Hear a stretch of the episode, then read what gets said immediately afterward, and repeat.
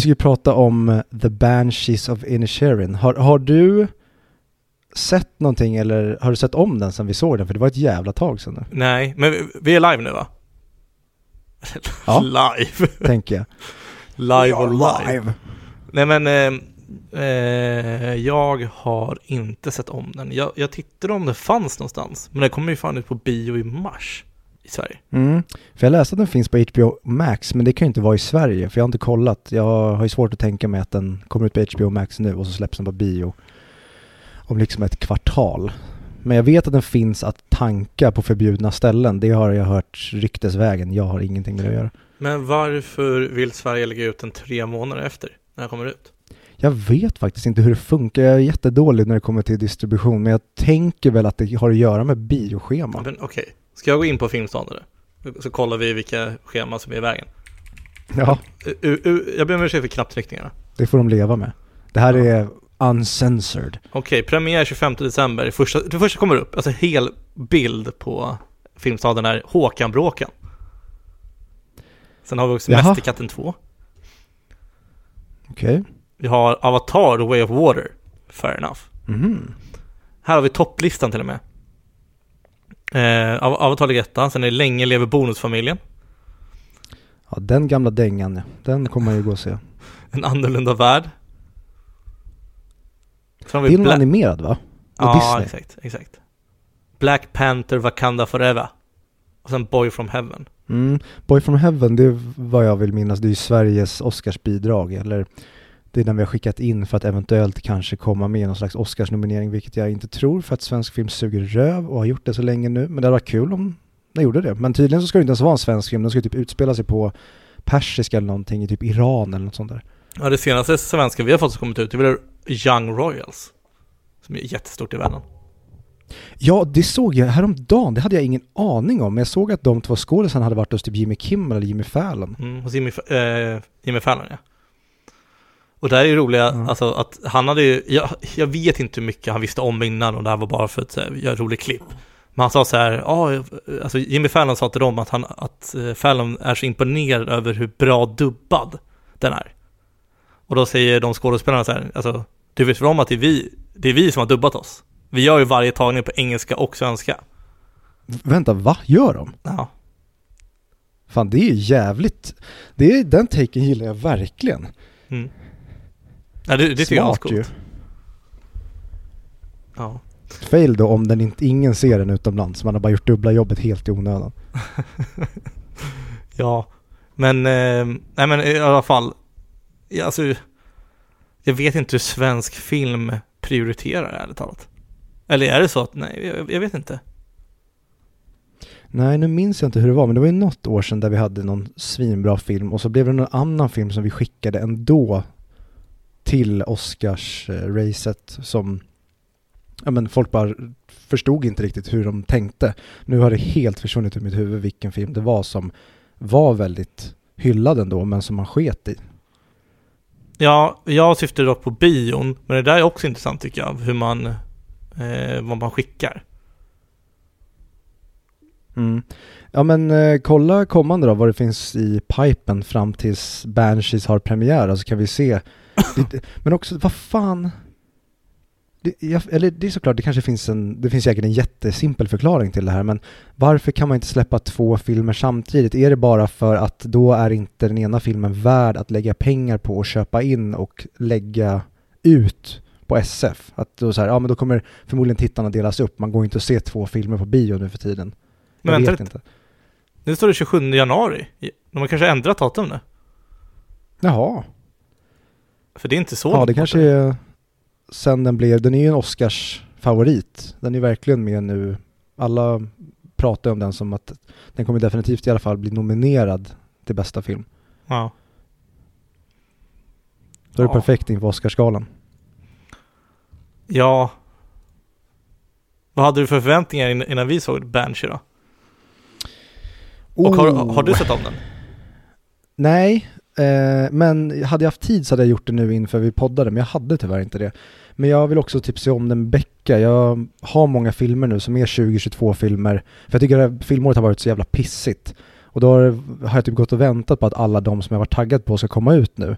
Men just nu håller jag och Alex på att spela in alla Daniel Craig-Bond.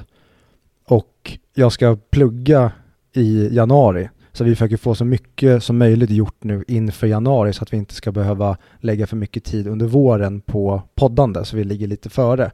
Och då försöker jag och Becka bränna av eh, Bond-filmerna så snabbt som möjligt så att alla de filmerna som jag vill se med henne som nu kommer ut för 2022 de får tyvärr flytta på sig för Bond och då blir det typ att jag får se dem själv. Eh, så det, det, här är ju en av de som jag var mest taggad på under hela året och det är ju för att Martin McDonough är en av mina favoritregissörer. Eller jag tycker att alla hans filmer är de är aldrig då, de, de hittills har inte varit dåliga. Alltså In Bruges har ju du och jag pratat, vi har till och med gjort ett mm. avsnitt om det och vi båda håller den som en av de bästa komedierna ever. Jag tror jag till och med kanske håller den som den bästa komedin någonsin. Och The Seven Psychopaths, den tycker jag typ är lite för den tyckte jag var lite kanske spretig, men jag behöver typ se om den känner jag nu när jag kanske lärt känna hans filmstil mer. Mm. Och uh, Three Billboards var ju helt fantastisk och det var ju där han egentligen fick sitt erkännande när han fick, den tog ju hem massa Oscars-statyetter. Och sen dess har jag bara varit, ja men jag har egentligen varit taggad på alla hans filmer sen jag såg In Bruges för att se vad, ja men vad kommer han komma med härnäst? Och uh, Banshees med då Colin Farrell och Brendan Gleeson tillbaka ska spela mot varandra, det är ju som julafton, känner jag. Så jag var svintaggad på den faktiskt. Du då? Eh, jag var också otroligt taggad. Bara för att se vad, vad han bjuder på. Alltså, jag hade egentligen inga för, eh, förväntningar på den. Utan det var mer bara rent tagg och ren nyfikenhet på vad den här skulle leverera. Och tydligen nu efterhand så har jag sett eh, och läst att alltså det här manuset ändrades ju ganska kraftigt från sitt ursprungliga manus. Mm. Eh, nu kommer jag inte ihåg exakt varför, för det här läste jag på förut om. Eh, men, det, alltså, men det tog en ganska stark högersväng. Han visste ju hela tiden att ungefär det här skulle storyn vara, men vad som hände, jag, jag tror att han gjorde den lite mer galen. Mm. Vill jag säga. Ja, ja men så du var också, i alla fall, du eh, var taggad på att se vad han skulle leverera helt enkelt. Mm. Verkligen. Mm. Och du och jag var ju såg den på Stockholms filmfestival, när var det? Det var ju den, jag vill minnas att det var typ den 20 november, så det är ju snart, eller ja det är precis typ en månad sedan vi såg den. Ja, 22 till och med tror jag. Men ja, typ en mm. månad. Ja, då är det en, imorgon så är det exakt en månad, det är lite Ja, för det var det sista, da sista dagen på eh, filmfestivalen, kommer jag ihåg. Ja. Och jag såg den på Scandic och um, ja, det var precis när det hade börjat bli kallt. Nej, jag vet inte. Intressant det här. Målar upp en bild hur det var när vi såg den. Mm, jag snörade på mig mina stövlar, satte på mig min rock, hängde på mig min hatt och begav mig mot biografen. Vindarna viskade kyla i ansiktet medan vi gick där i slasket. Som lät... Mm. Nej. Vi hade typ gjort radioteater av det här. Som vi gjorde i det där klädbutiksavsnittet. Eller när vi gjorde... Ja, men har inte du hört när hon, Margot Diol hon heter? Margot Ditz. Margot Ditz. Ja. När, när, hon, när hon kör sin radioteater. När hon ska ha mm. sex med någon kille. Nej, jag läste bara att det blev oh. jävligt kontroversiellt. Ja, det är snuskigt. Alltså det, det, det är ju radioporr mer eller mindre. Alltså det är ASMR-porr hon gör. Mhm. Och det ligger ute som podd eller? Ja, men de kommer ju aldrig till kritan för sen händer någonting som avbryter det, men de är liksom på väg dit. Ah. Ja. Kan vara kul. Ska du och jag spela in en bögsex eh, ASMR-porr-video? Eller porr-podd? Jävlar vad vi ska sälja. Fredrik och jag brukar ligga i samma säng kan vi döpa den till. Ja. Som en liten hommage till den gamla härliga YouTube-dängen. Och så måste vi sitta nakna i skräddarställning framför varandra när vi spelar in. Ja, så skillnaden är ju nu och då hade det varit att vi byter ställning då med andra ord. Ja. Ja. Helt enkelt. Men eh, jo, det har ju kommit, upp, kommit en annan eh, stor film nu senaste dagarna som eh, jag förstår att du eh, också har varit och sett på bio. Ja, Avatar The Way of Water. Mm. Vad tyckte du om den 13 eh, år långa väntan på uppföljaren till filmhistoriens där och då mest inkomstbringande film? Alltså, jag vet, jag vet ju lite om, om vad du tycker för jag spanar på din letterbox. Men eh, mm. ska vi börja prata lite om Avatar innan vi kanske glider över till Banshee? För Avatar ja, känns lite, alltså den känns mer yta att prata om och Banshee känns mer, ja tvärtom mot yta. De är, jag skulle nästan säga att det är typ de varandras motsatser när det kommer till vad de levererar filmväg. Ja. Eh, så med det sagt, alltså det är lite som, alltså det är, svårt, det är svårt att sätta dem mot varandra för de är till för helt olika saker. Men mm. eh, om, om, vad jag tyckte om Avatar, jag tycker, jag tycker att Avatar är one of a kind. Alltså att det är, det är ju ett mästerverk, men inte ett mästerverk på samma sätt som kanske Banshees är. Så du tycker att Banshees är ett mästerverk? Men jag vet. eh, nej men, jag kommer ihåg när jag såg första Avatar. Den såg jag två gånger på bio. Det var typ den första filmen jag såg två gånger på bio. För att det är någonting speciellt med att vara i den världen. Och sen när man, var det 13 år sedan, hur gammal var jag då? Var 16? När man var 16 år kommer ut och bara, jag vill vara i den där världen. Wow, vad mäktigt. Jake mm. Sully, alltså vilket coolt namn. Åh. Jag vill också svinga runt bland träd och bara upptäcka den här uh, magiska världen. Lite Princess Mononoke-känsla över den. Mm -hmm. mm. Och, och jag tycker... Nej, jag stannar där så berätta mer vad du tycker efter du har gått igenom dina initiala tankar. Ja, jag och Alex släppte ett tre timmar och 25 minuter långt avsnitt om Avatar 2 i måndags. Men om jag bara ska summera det lite kort vad jag tyckte. Mm. Det är den... Här fick jag den vad i helvete händer på skärmen reaktionen som jag inte tyckte att jag fick på första Avatar. Mm. För alla pratade om 3D och hur visuellt fantastisk den var. Och jag tyckte inte att, det är såklart att den var det, men jag tyckte inte att den var så fantastisk på det sättet som alla pratade om. Jag tyckte inte att effekterna där och då var så mindblowing som alla pratar om, men exakt det tycker jag att den här levererar. Alltså det är den...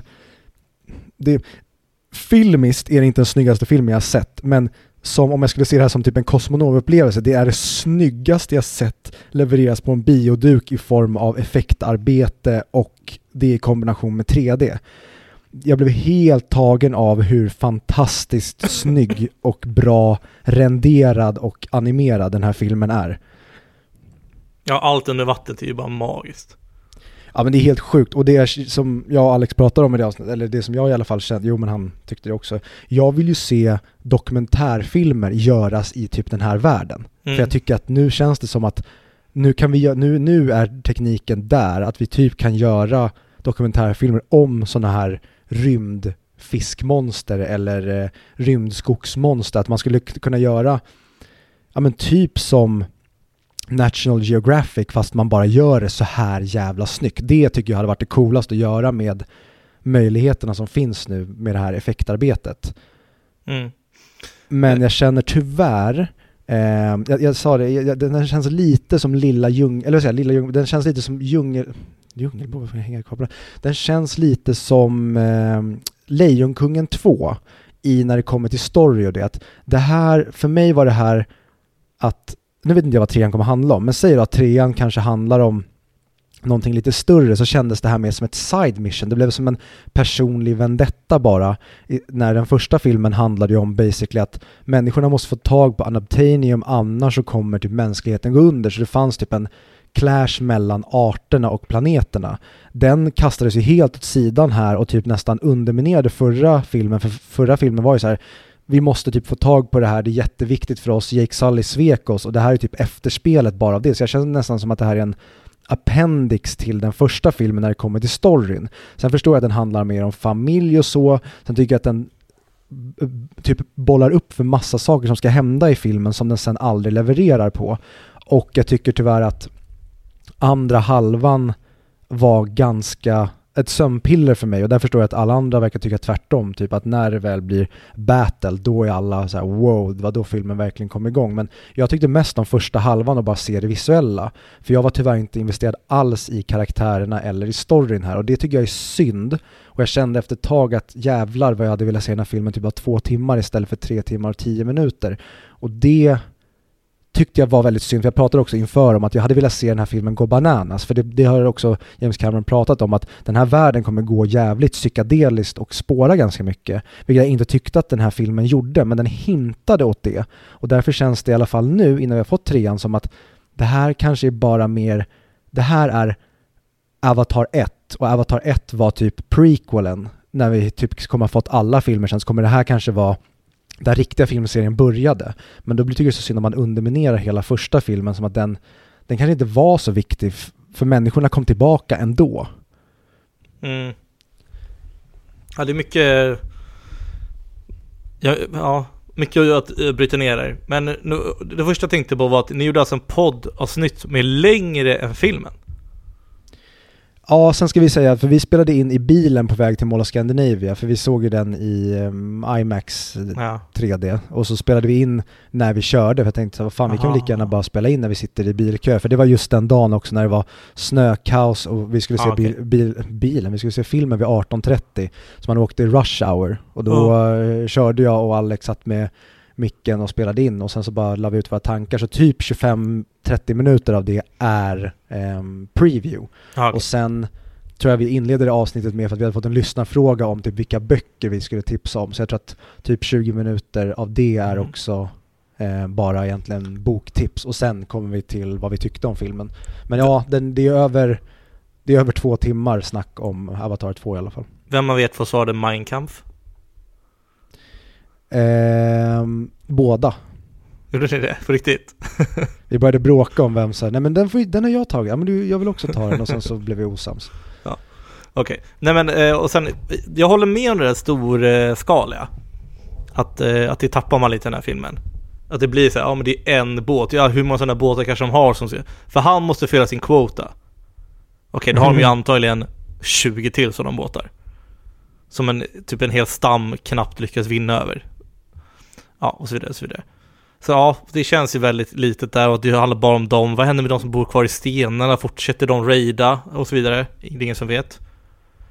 Eh, samtidigt som den där nya staden håller på att expandera och byggas upp i otrolig takt. Så det, där tappar den håller jag med om. En sak som en av mina vänner sa efter filmen, som inte jag alls håller med om, det var att han tyckte det kändes som att James Cameron bara ville fram till sista tredjedelen av filmen, och actionen. Så han ville bara spola förbi allting innan. Allting innan.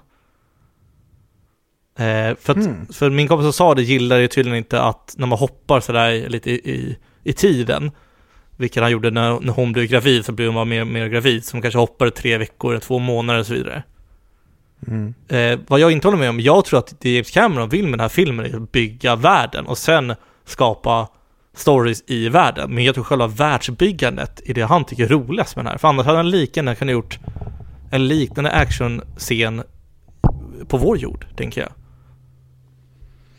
Ja, nej, jag, jag håller med om det och jag, jag, jag, jag hade också lite problem med det här att det hoppade lite. Men det var också som jag sa, det är för att det känns som att eh, där, det... jag vet inte hur mycket det här James Camerons film och hur mycket det brukar ofta vara James Camerons film där han får bestämma sig det här är min produkt helhjärtat som jag släpper nu för det känns som att han har bevisat så mycket genom åren att så här, ja, men lita på mig bara och det har alltid paid off. Så att, men sen vet man inte, den här filmen har dröjt, den har skjutits upp, skjutits upp så det kanske är att studion har lagt sig i, i mer och kanske sagt att nej men du måste ge någon slags förklaring i början av filmen var vi befinner oss. För jag hade tyckt det var ashäftigt. Tänk om filmen bara hade börjat med typ ja, vi pratade om det i avsnittet, jag tror att det var Alex som gav idén, men så här, tänk om de, eh, vi bara har gått, det har gått typ 14 år och han har barn och det och vi får ingen förklaring till det. Helt plötsligt bara ser vi en boot sätta ner, bam, mitt framför kameran. Och så har människorna landat igen. Och de bara får vakna i panik av att de blir utjagade från sin, eh, då från sin ehm, sin by eller vad man kallar det, sin, där, där de bor. Och de bara oh shit, det vi gjorde i första filmen betydde ingenting, nu måste vi fly. och så blir det som att allt blir som kaos i den andra filmen. Att då, nu kändes det som att allting var nästan kontrollerat och bara Åh nej, vi ser människorna komma i skyn. Ja men eh, det bästa för min familj, det är nog om vi drar. Ja men vi drar då. Det kändes aldrig som att de hade problem med att dra. Det var roligare att se lite som Empire Strikes Back, att de drar och kommer undan med nöd och näppe. Och det kanske är något barn som dör i början och det är typ Jake Sully torskar fighten mot Courage i början att shit, den här snubben i en avatar-kropp, han är typ övermäktig mig och han blir en fegis. Och sen i slutändan, för slutfighten tyckte jag också blev som att Nej men filmen har inte handlat om Jake Sully, varför är det han som ska ta på sig fighten mot Quaritch? Då tyckte jag filmen mer, framförallt i början när det kändes som att Quaritch hade en personlig vendetta mot eh, Neytiri, att nej men det är ju han, Neytiri och Quaritch som ska mötas i slutet, det är hon som ska rädda sina barn. Eller att det är de unga som det har handlat om som ska ta sig an Quaritch. Nu blev det som att Jake Sully har suttit på sidan hela filmen, sen är det på slutet bara, nej men jag går in och löser det här. Mm. Och det, det, det, känns, det jag menar med att det känns som att filmen inte riktigt, den är väldigt orak när den hade kunnat varit mycket rakare och tydligare. Och det finns grejer som det här med epilepsin, vad hände med det? Eh, de gjorde, det känns som att de gjorde en grej av att eh, Kate Winslets karaktär blev gravid, det hände ingenting med det. Typ när fighten börjar i slutet, då är sjöfolket med dem. Men sen försvinner de, alltså Aha. helt okommenterat. Ja, det, det är så jävla märkligt det också. Det var jättekonstigt. Eh, och det är sådana där grejer som jag bara satt och, tyvärr på grund av att jag älskade tapeten, alltså hela den här filmen för mig är tapeten. Jag satt och tittade på tapeterna från början typ. Men efter typ en och en halv timme så var det så här, ah, nu har jag sett tapeten i en och en halv timme, nu vill jag ha någonting annat. Och då hade jag tyvärr suttit för mycket och funderat på så här, men vart är vi på väg? Ja, okej, okay. det kanske blir så att Neytiri dör i början när eh, Courage kommer och det kanske gör att de måste fly. Nej, inte det. Ja, något av barnen kanske dör i början för att trigga någonting här för det verkar, nej här ingen dog heller. Och så på slutet kändes det som att vi måste döda ett, ett av barnen. Det, det kändes nästan som att det inte fanns några stakes här. Och samma sak med Courage, att det känns aldrig som att skulle han dö, då spelar det ingen roll för det är ju bara liksom producera en ny honom och alltså, ladda upp hans minne en gång till. Stakesen för mig fanns inte riktigt i filmen och därför så hade det varit roligare kanske att göra, antingen går det ännu mer småskaligt och typ gör en intern konflikt, att människorna är borta nu, för det var ju det som film, första filmen slutade med. Det kanske blir en konflikt mellan olika stammar istället. Mm. Och det kan bli det, för det var ju lite de pratade om när de kom till sjöfolket att nej men ni är typ eh, eh, invandrare, eller så här, ni, ni passar inte in för ni är freaks, för ni är inte som oss. Och det skulle de kunna göra en ganska cool grej av, men det är bara att presentera dem lite och det är egentligen bara en lead-up till att ena sonen träffar valen. Men det hade varit jäkligt cool att göra någonting mer så här, ja men nu är vi på Wakanda tänkte jag säga, nu är vi på Pandora och så hade man kunnat göra någonting typ med solförmörkelsen, för den eh, var ju så här, åh, solförmörkelsen, den blandar de in nu. Men vad betyder det? Sen visade det sig att ingenting alls. Den hade ingenting med någonting att göra, det var bara för att visa att det typ kunde bli mörkt och häftig, alltså självlysande män, eller säga varelser. Och då har han ändå fått 13 år på sig att skriva manuset. Ja men precis, och det är det som jag känner är så konstigt att det, och det känns som att James Cameron bryr sig inte om storyn. Han är bara så här, jag vill göra ashäftiga grejer i vattnet, jag vill ta tekniken framåt, för de, de upp, alltså uppfann ju nya kameror och grejer till den här filmen, vilket är skithäftigt. Mm. Men då är det så här, men fan, ge, gör, en, gör en jävligt spårad, eh, för att nu hintar de ändå åt att eh, Kiri, hon kan på något sätt kopplas ihop med Ewa och bli någon slags neo-karaktär. Det var coolare om de kanske introducerade det och fokuserade mer på det i den här filmen än att det blev som en grej man bara nämnde i förbifarten och sen var det en, ett sätt som räddade några karaktärer på slutet när vi typ hade glömt bort det för det hade gått så lång tid sen hon visade upp att hon hade de här krafterna. Ja, alltså jag tycker ju personligen att James Cameron är lite överskattad som regissör. Jag tycker mm. Titanic är överskattad. Jag tycker både egentligen Terminator och Aliens kanske också är lite överskattade. Kanske inte, jag vet inte. Terminator är en kultfilm. Aliens, ja den var fan bra den också. Men, med allt det sagt så vill jag ändå säga att jag tyckte inte att filmen kändes över tre timmar. Jag tycker att allting mm. gick så snabbt för mig.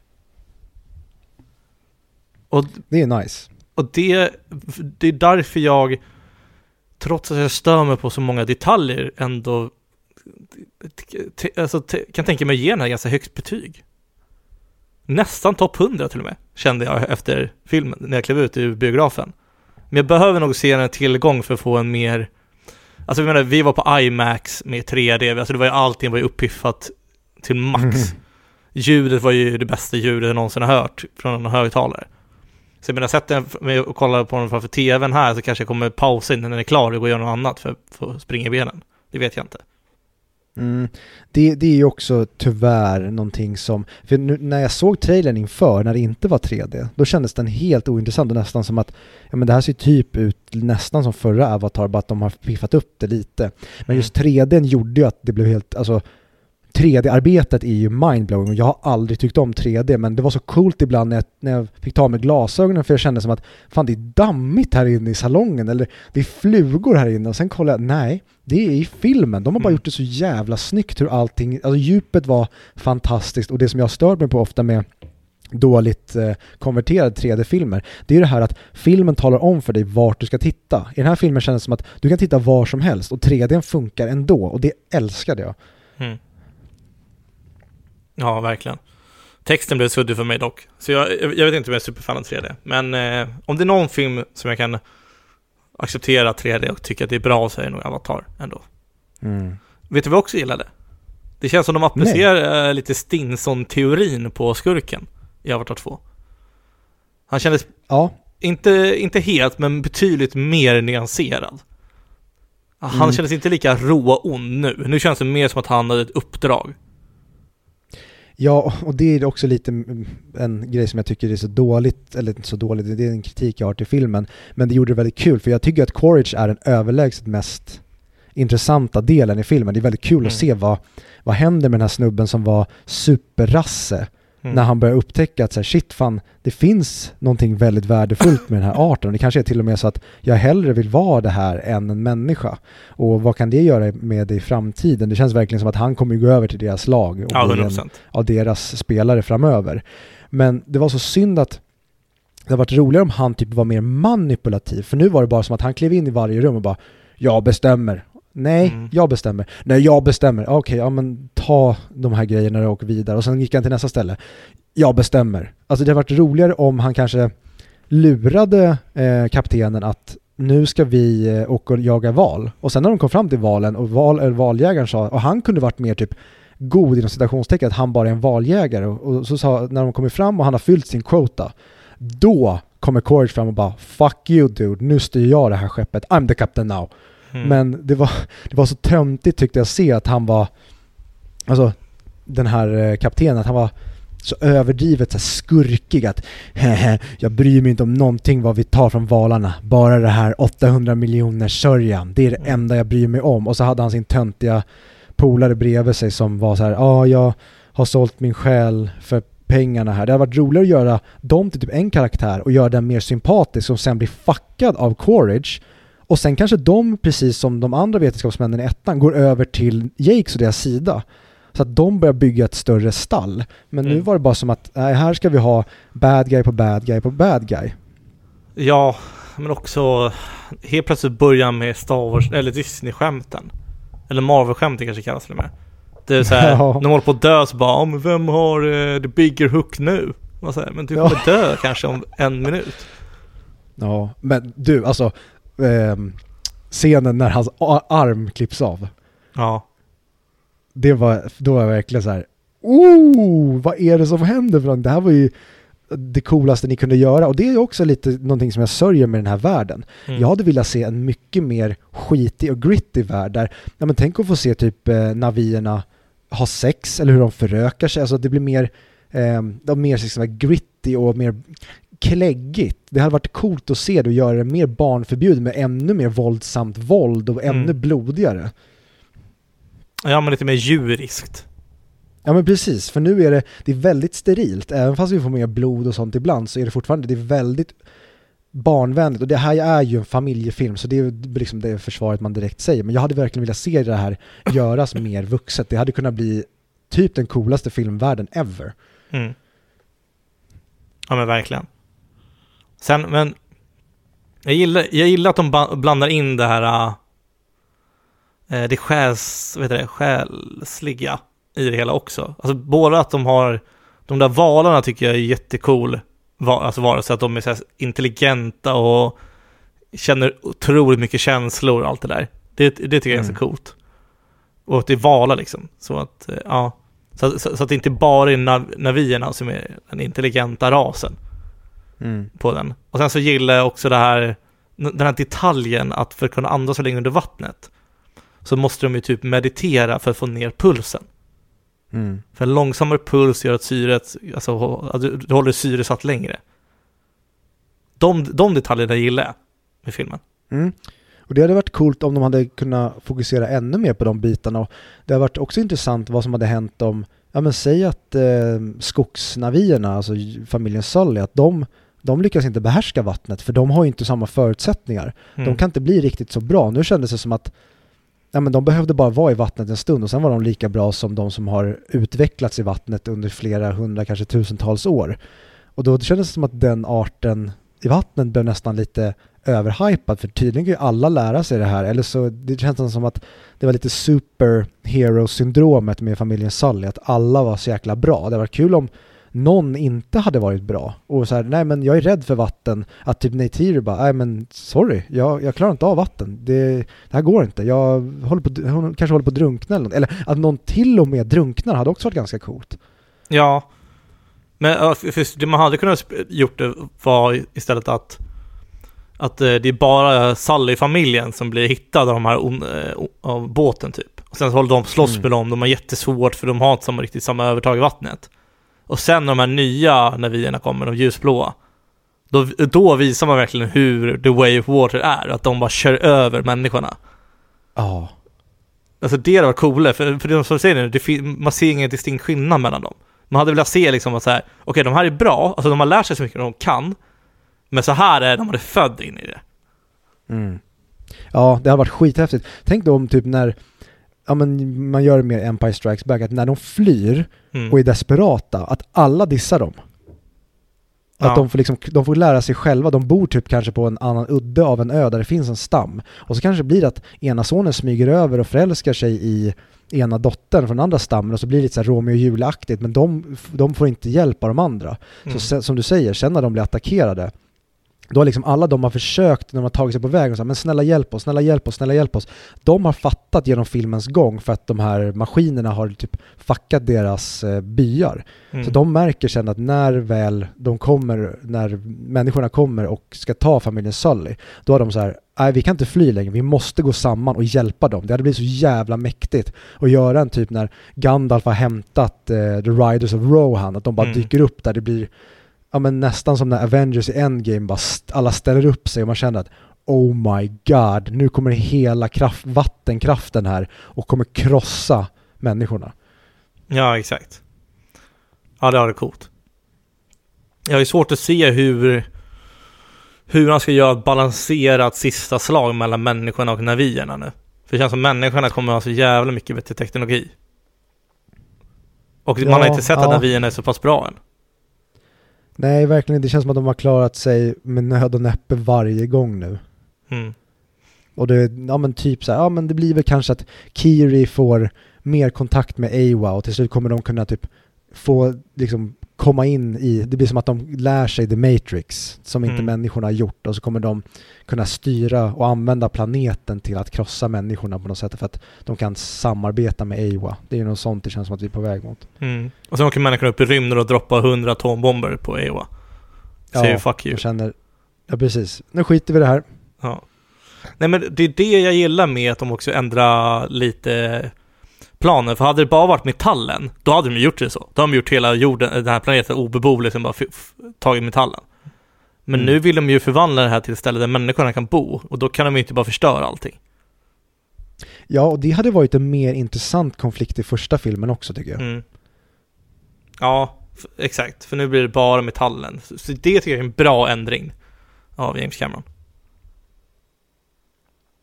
Mm. Så- Men vad ger den för betyg då? Ja men efter dagens snack så landar nog på 8-10. Jag hade nog ändå 8,5 innan. Men eh, 8. 4 av 5. Du då? Jag förstår. Nej men det är en eh, tre av, jag var nära på att sätta en fem av tio på den men sen nej, den, den är inte dålig, alltså den är inte dålig på något sätt. Jag hade skitkul och det var som jag sa, det är den coolaste visuella upplevelsen jag haft om jag ser det här som det här är en ny typ av film. Det här är inte filmfilm, det här är någonting nytt och då är det, det var verkligen wow. Jag skulle rekommendera alla att gå och se den bara för att det är så häftigt. Men typ min morsa sa att hon, hon kan inte gå och se den här för att hon, mådde, hon fick gå ut från Avatar 1 för att hon mådde illa av 3D och sa mm. men då kan du gå och se den här. För du kommer bli helt fucked, alltså man blir nästan åksjuk ibland för att den är så himla inträngande i det. Det är verkligen en upplevelse snarare än bara någonting du tittar på. Mm. Ja, men jag, jag är tveksam om 3D är nödvändigt dock. För den här. Okej, okay, jag, jag tänker tvärtom. Att jag vet mm. fan hur mycket jag skulle njuta av att se den här i 2D på bio. Utan jag tyckte 3D var verkligen svinhäftig. Mm. Ja men det, det, kan ju vara 3D som fick mig också att uh, gå upp ett steg liksom och verkligen tycka om den här världen. Det vet jag inte. Jag, må, jag, jag måste se den utan 3D för att kunna jämföra. Det tycker jag du ska göra. Bra. Ska vi glida in på uh, kvällens huvudpunkt? Låt oss åka till Ireland. Till uh, Inisherin. Mm. Eh, kul grej, jag hade ett, eh, nej det här, är inte, det här är inte så jättekul så det här kanske ingen kommer bry sig om. Men jag pratade med en kille som jobbar på ett eh, CRM-system som heter HubSpot. Så, och han, kom, han eh, kommer från Irland och är baserad där. Och då frågade jag så här, ja men fan, ja, fan vi älskar verkligen Banshee of Inisherin. Och då sa han det att så här, ja men min, hur långt, hur, det här var långt ifrån tror jag, honom, men jag tror det var hans flickväns brorsas pappa typ, eller någonting sånt där. Mm. Eller farbror kan vara, är, eh, vad heter han? Är Brennan Gleeson. Så han har, han har träffat Brennan Gleeson och pratat med honom. Fan vad coolt. är det så coolt egentligen? Ja, fan jag älskar Brendan Gleeson. Ja.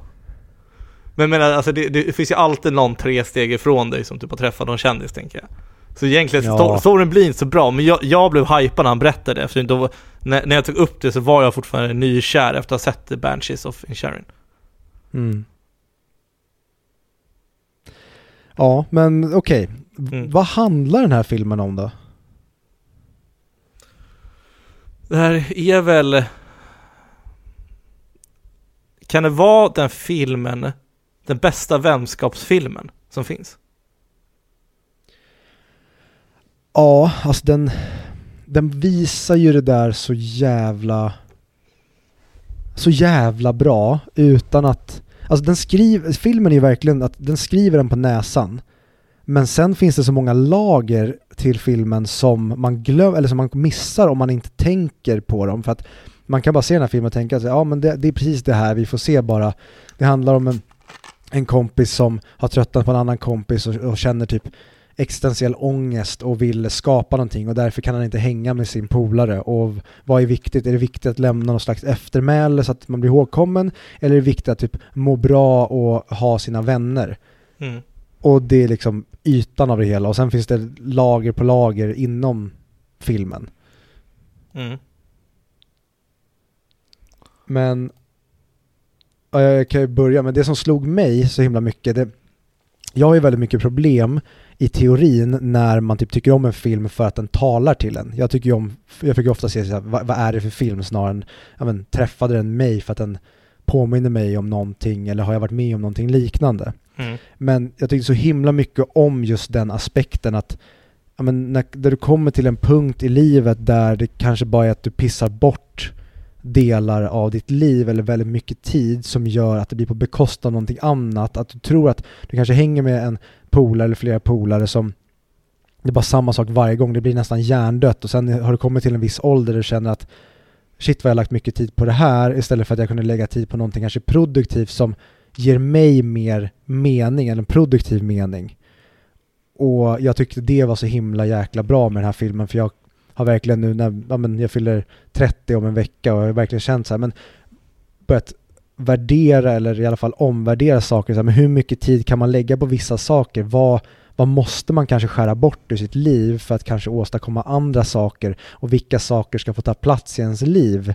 Och det är också, jag tycker det är nästan som en hela filmen är som en metafor för att växa upp, att när man var yngre då kanske bara var roligt att hänga med polarna och göra vissa grejer, sitta på en eh, stenmur och titta ut över havet och eh, supa sig full. Men i det långa loppet, vad, vad gör det med dig själv och kanske när, vad gör det med någon som kanske blir den som blir lämnad kvar? Om en vän säger att så här, men jag är trött på dig för att du ger mig ingenting längre, det är bara samma record dag efter dag.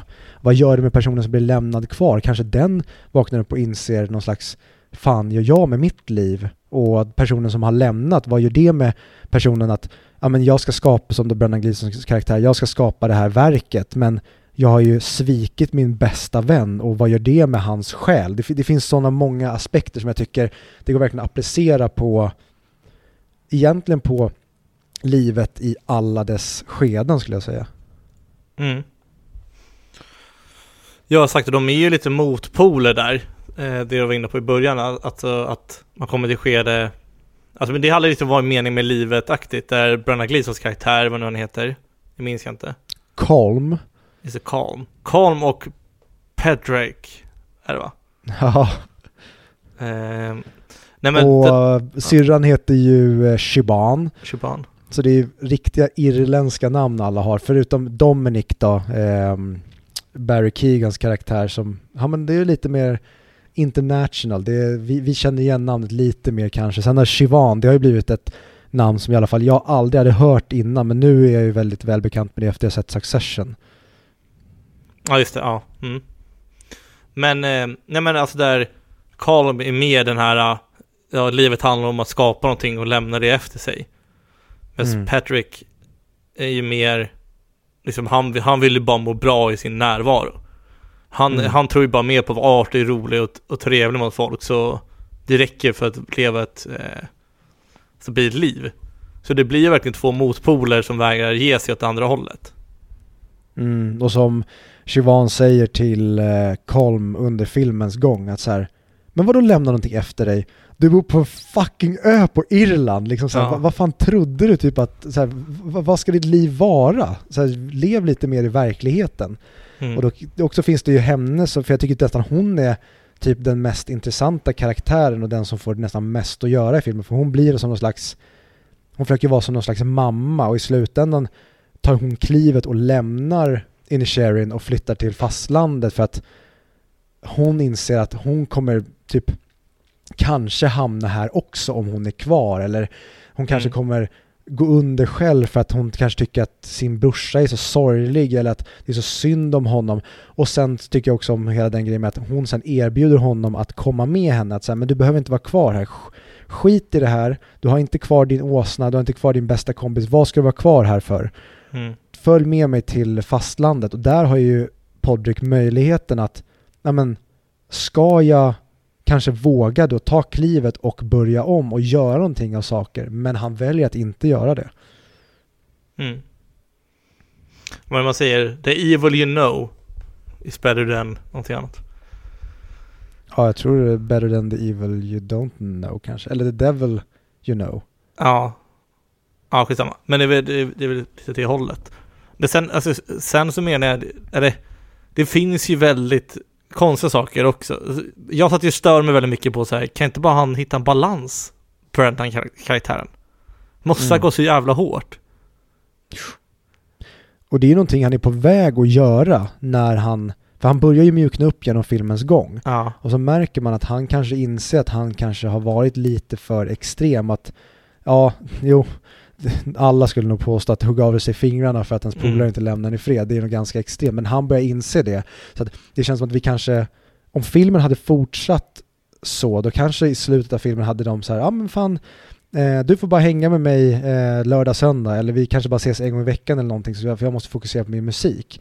Men på grund av att Kolm råkar döda hans åsna, mm. så kan vi aldrig få det utfallet, utan då blir det som att då är första gången Podrick vaknar och då är det så här, nu jävlar har jag fått en mening att göra någonting som inte bara är att sitta och supa. Och tyvärr väcks det av hämnd. Det är mm. inte av någon slags lust eller motivation till att skapa någonting utan det är bara hämnd och slags ja, men han, är, han är sviken och bara känner sig bitter och eh, hämndlysten. Mm. Ja, exakt. Och jag, jag älskar att det här, är- det är ju verkligen en show don't tell film det här. Att den, man får ju aldrig se dem vara vänner. Nej. Filmen börjar ju bara med att han har bestämt sig för att han vill inte vara hans vän längre. Sen, ja. ja, alltså fan. Den, fan i helvete vad bra den är. ja. men det, ja. Det är ju lite, jag läste ju lite, eh, vad heter det? Re, eh, reviews. Lite recensioner här som användare på IMDB har lämnat. Eller Mm. EMDB som vissa säger. och som har gett den en av tio. Och det är väldigt många som klagar på att den är otroligt unpleasant och mörk och deppig och heartbreaking film.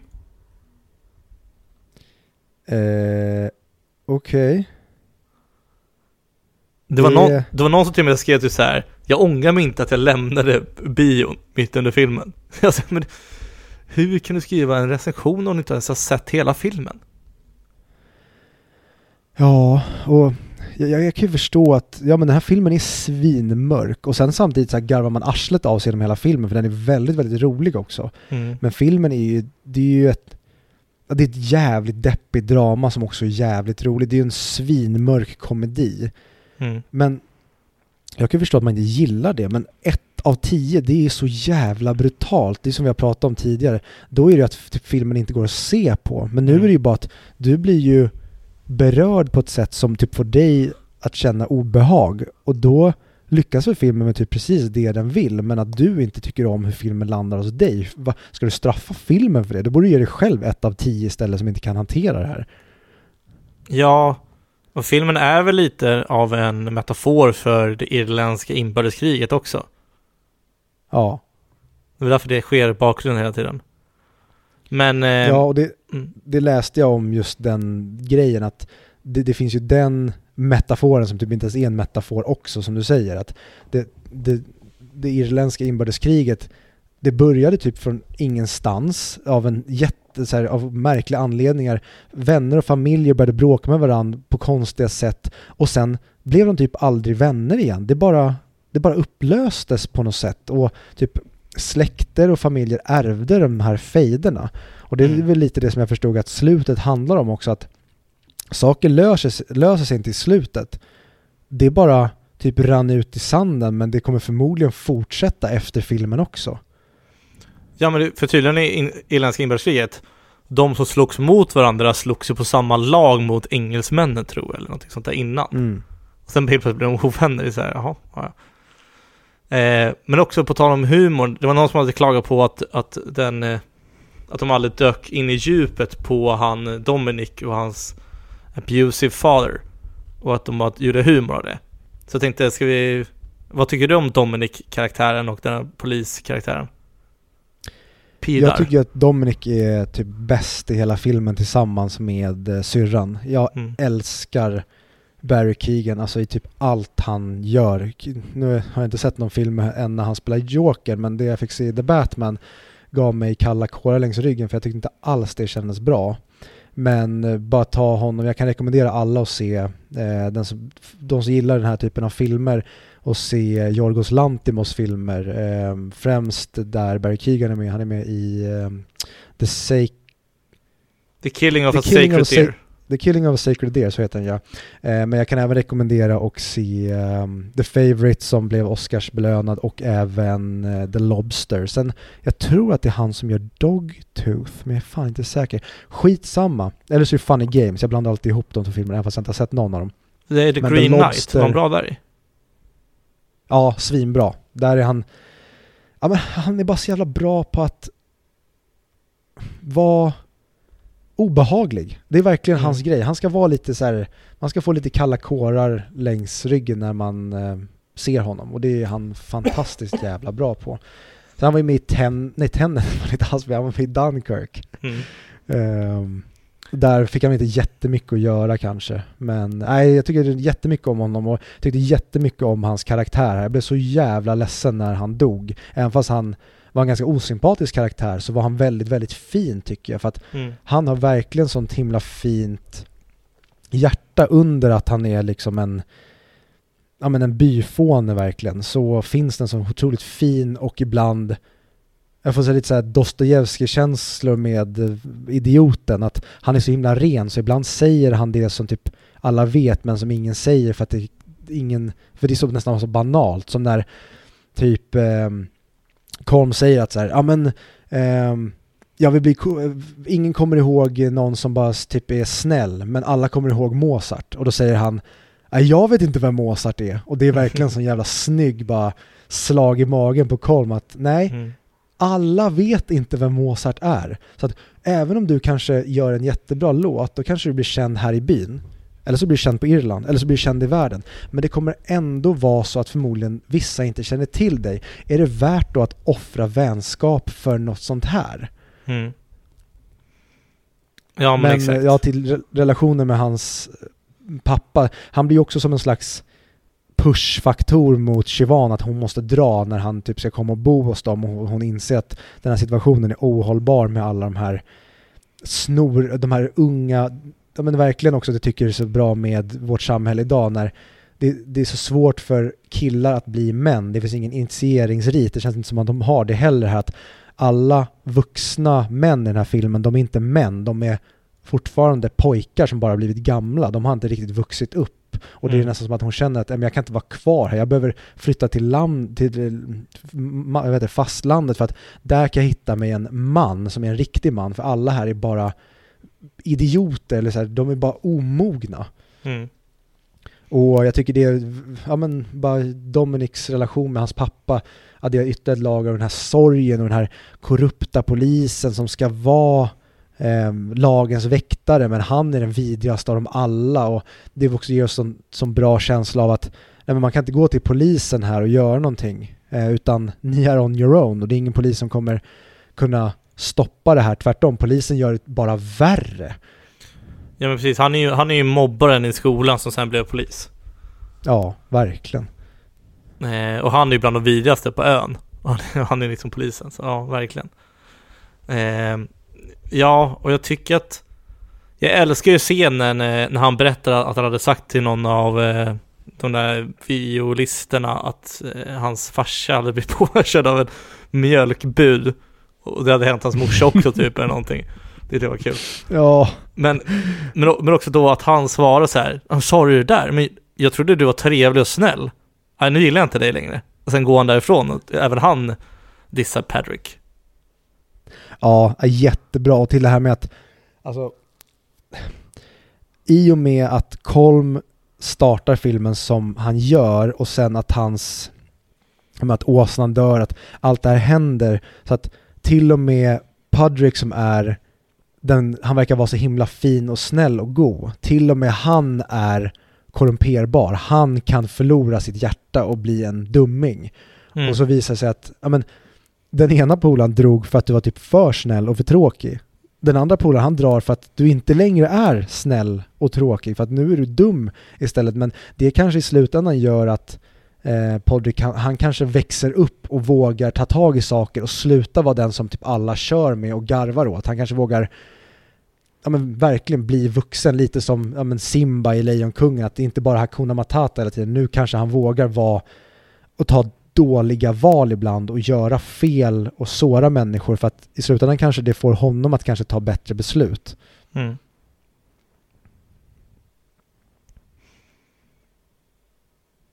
Ja men verkligen. Och jag, jag fick tänka igenom hela filmen och att den, eh, alltså, för miljön är, som jag sagt innan, den är ju fem av fem.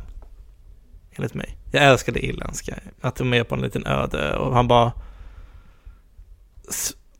alltså avspeglar hur en isolerad vänskap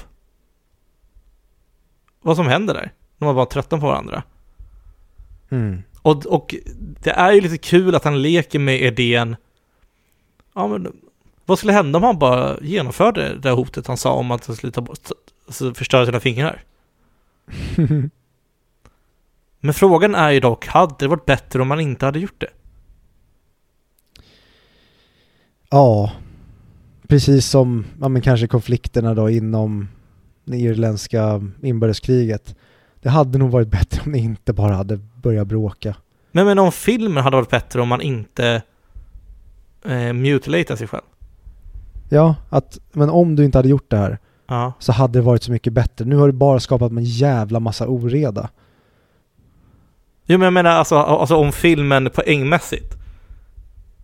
Om det bara förstör upplevelsen av filmen eller om det faktiskt förhöjer att filmen blir bättre av att.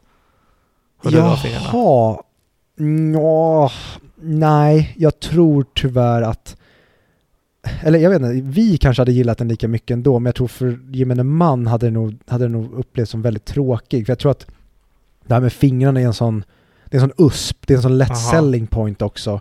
Och jag tycker den är, den är som en övertydlig, den som ett övertydlig ehm, ett exempel eller vad ska man säga, den visar så tydligt i filmen vad typ han vill uppnå. Att så här, men jag är tydlig nog med att jag vill bli lämnad i fred.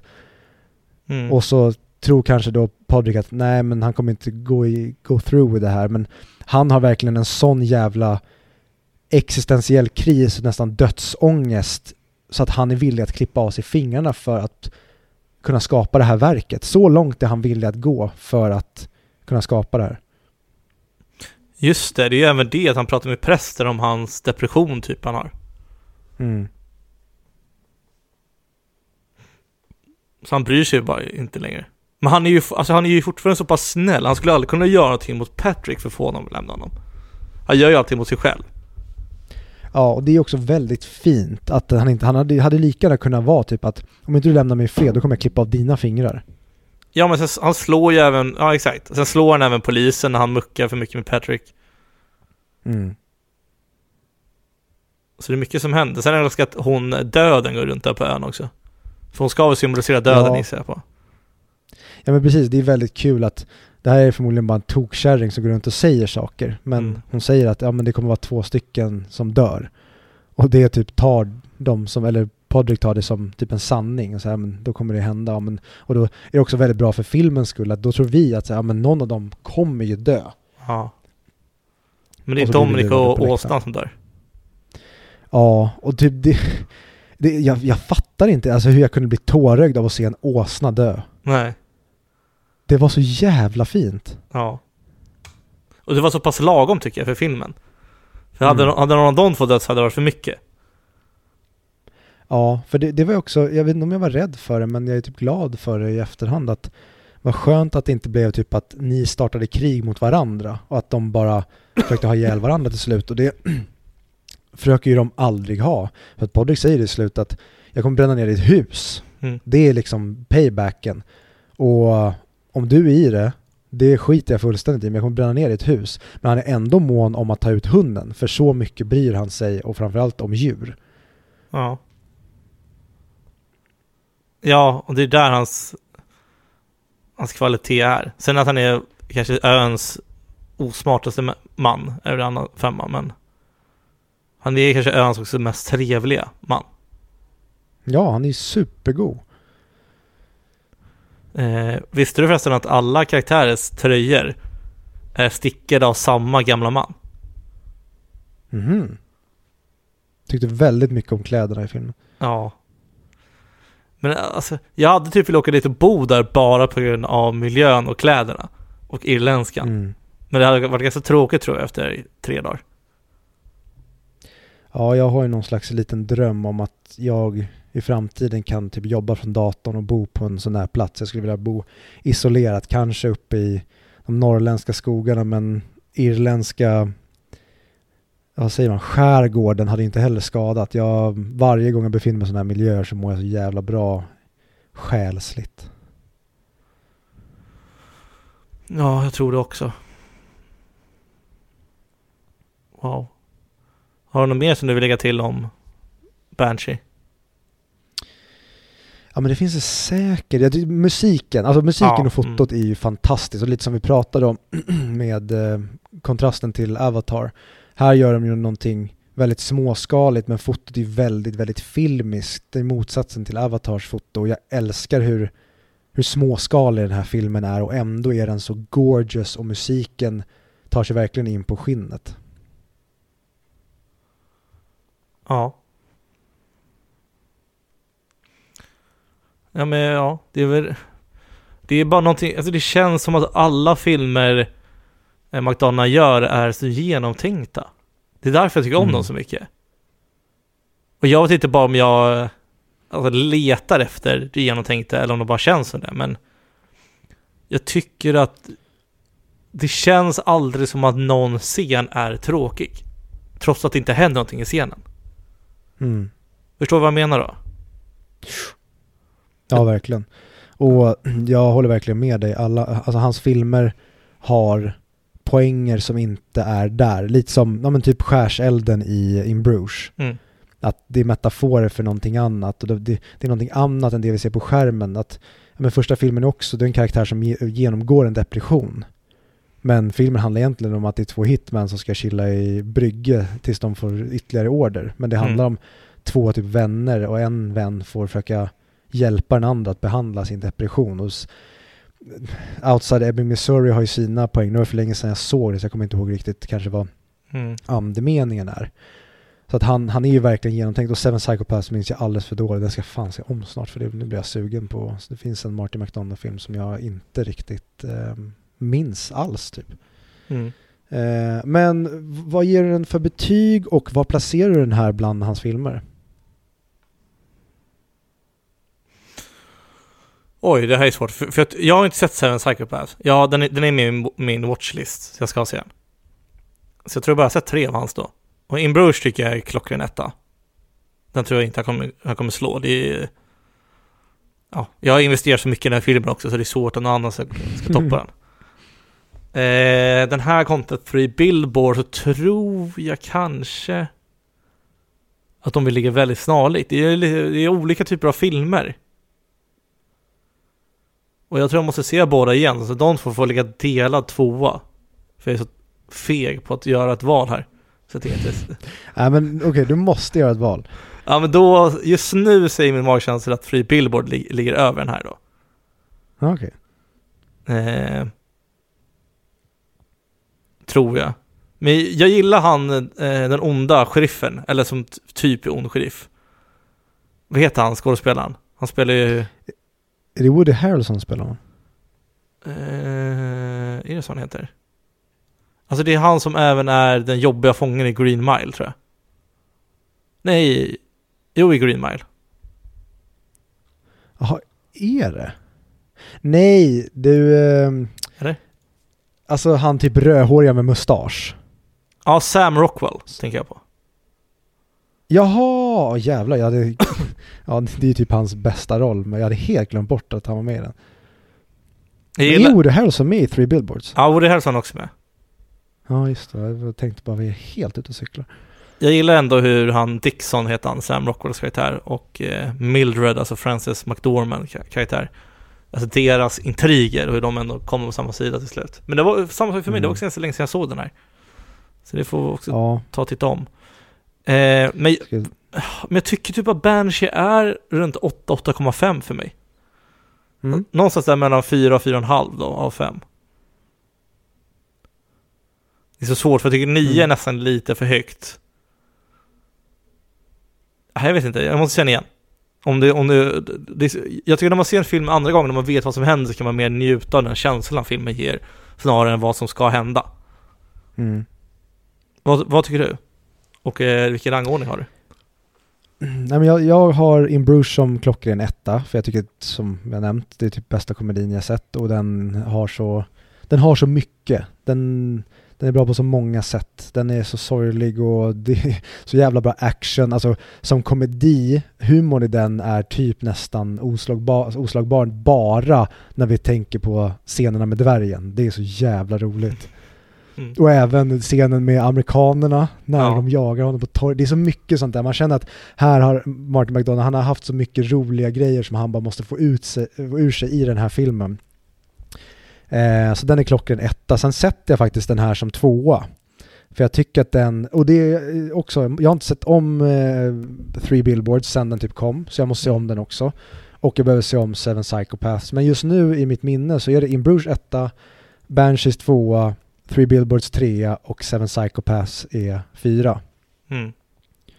Eh, men vi kan ju också prata om, det är väldigt, vi nämnde det du och jag när, eh, för vi, eh, vi ska ju åka i maj till eh, Berlin och eh, gå på Hans Zimmer, du, jag och eh, Lina som har gästat eh, 100 mick tidigare. Mm. Ehm, och jag skulle komma, jo, vi nämnde det när vi pratade och skulle boka, att det är så kul med alla Martin McDonaghs filmer för de har jobbiga titlar att säga. Mm. Det, de är alltid lite bökiga. In Bruges, den, den är lätt att säga, men den är svår att få en annan person att fatta vad det är man säger. Man måste typ förklara så här, ja men In Bruges, eh, alltså i Brygge, staden Brygge, det är på engelska bara, den heter ju Bruges. För om man säger In Bruges, då låter det som att man säger någonting annat, typ IMM Brosch, eller alltså det, det, det låter inte som att man säger i Brygge på engelska när man Nej. förklarar vad titeln på filmen. Jag har fått göra det flera gånger när jag tipsat om den. Ja, Man måste överförklara vad det är man säger för någonting. Och samma sak med Banshees of Inisherin. Jag tror den hette typ Banshees of Inisherin eller någonting. Att det, det, är, det är en lång och lite, man, alltså folk kommer ju bara nämna, benämna den här som Banshees på sikt känns det som. Mm. Och samma sak med Three Billboards, man säger ju inte Three Billboards outside Ebbing, Missouri, man säger bara Three Billboards när man pratar om den. Mm. Men det känns som att han vill göra någon slags, han vill nästan vara jobbig med sina titlar. Och Seven Psychopaths, jag tycker det är jobbigt att säga Psychopaths med liksom det läspande F-et. Men har han inte sh-ljudet? För, de, för, för The Banshee of Inisherin heter ju så... Det är kanske inte därför, men det är ju för att eh, de, heter han, hette han va? Kom. Brennan Gleesons karaktär döper ju sin, sin, sitt stycke till det. Mm. Och varför han gör det är för att han säger att han gillar tsch-ljudet. Kan det vara Mm. en inblick i McDonalds huvud? Säkert. Alltså jag, jag kan tänka mig att så många döper sina filmer bara för att de gillar typ hur vissa ljud låter snarare än Ja. att men är det här en bra titel på filmen? Nej, kanske inte, men jag gillar hur det låter. Mm. In Bruges, Seven Psychopaths, Banshees, Below Ebbing, Missouri. Ja, jag vet inte. Jag kanske sträcker efter halmstrån, halmstrån här, men... Eh, Näst. Nästa film, vad, vad kommer den heta då? oj. Vad tror du att det kan handla om? Oj. Ja, jag, jag skulle faktiskt vilja se honom gå tillbaka och göra lite mer action igen. Gärna en actionkomedi. Typ en buddy cop-film. Det får gärna vara med Brendan Gleeson och ehm, Colin Farrell. Där de ska lösa något absurt mord. Det hade varit roligt att se. Men det kan Ja. också vara ett drama också. Jag, jag bryr mig egentligen inte. Jag, jag vill bara se Martin McDonough göra mer film. Ja, men jag vill ha mer, alltså mer relationer och dialoger. Det, det, det är det jag tycker han, han gör bäst. Det är det som Jaha. gör In Bruges så klockren tycker jag. Men, eh, för jag, jag lyssnade på Filip på Fredriks podcast där de träffade Ruben Östlund. Och så pratade de lite om eh, vad Ruben Östlunds, eller alltså, de hade träffat honom som de hade pratat om, utan han var inte med i podden. Men de Ja, Filip hade väl flygit eh, flygplan med honom. Ja, exakt. Och då sa han nå- någonting att Ruben Östlunds nästa projekt hade varit att all, all entertainment på ett flygplan skulle ha, ha Mm, gått sönder. heta The Entertainment System is down. Ja, exakt.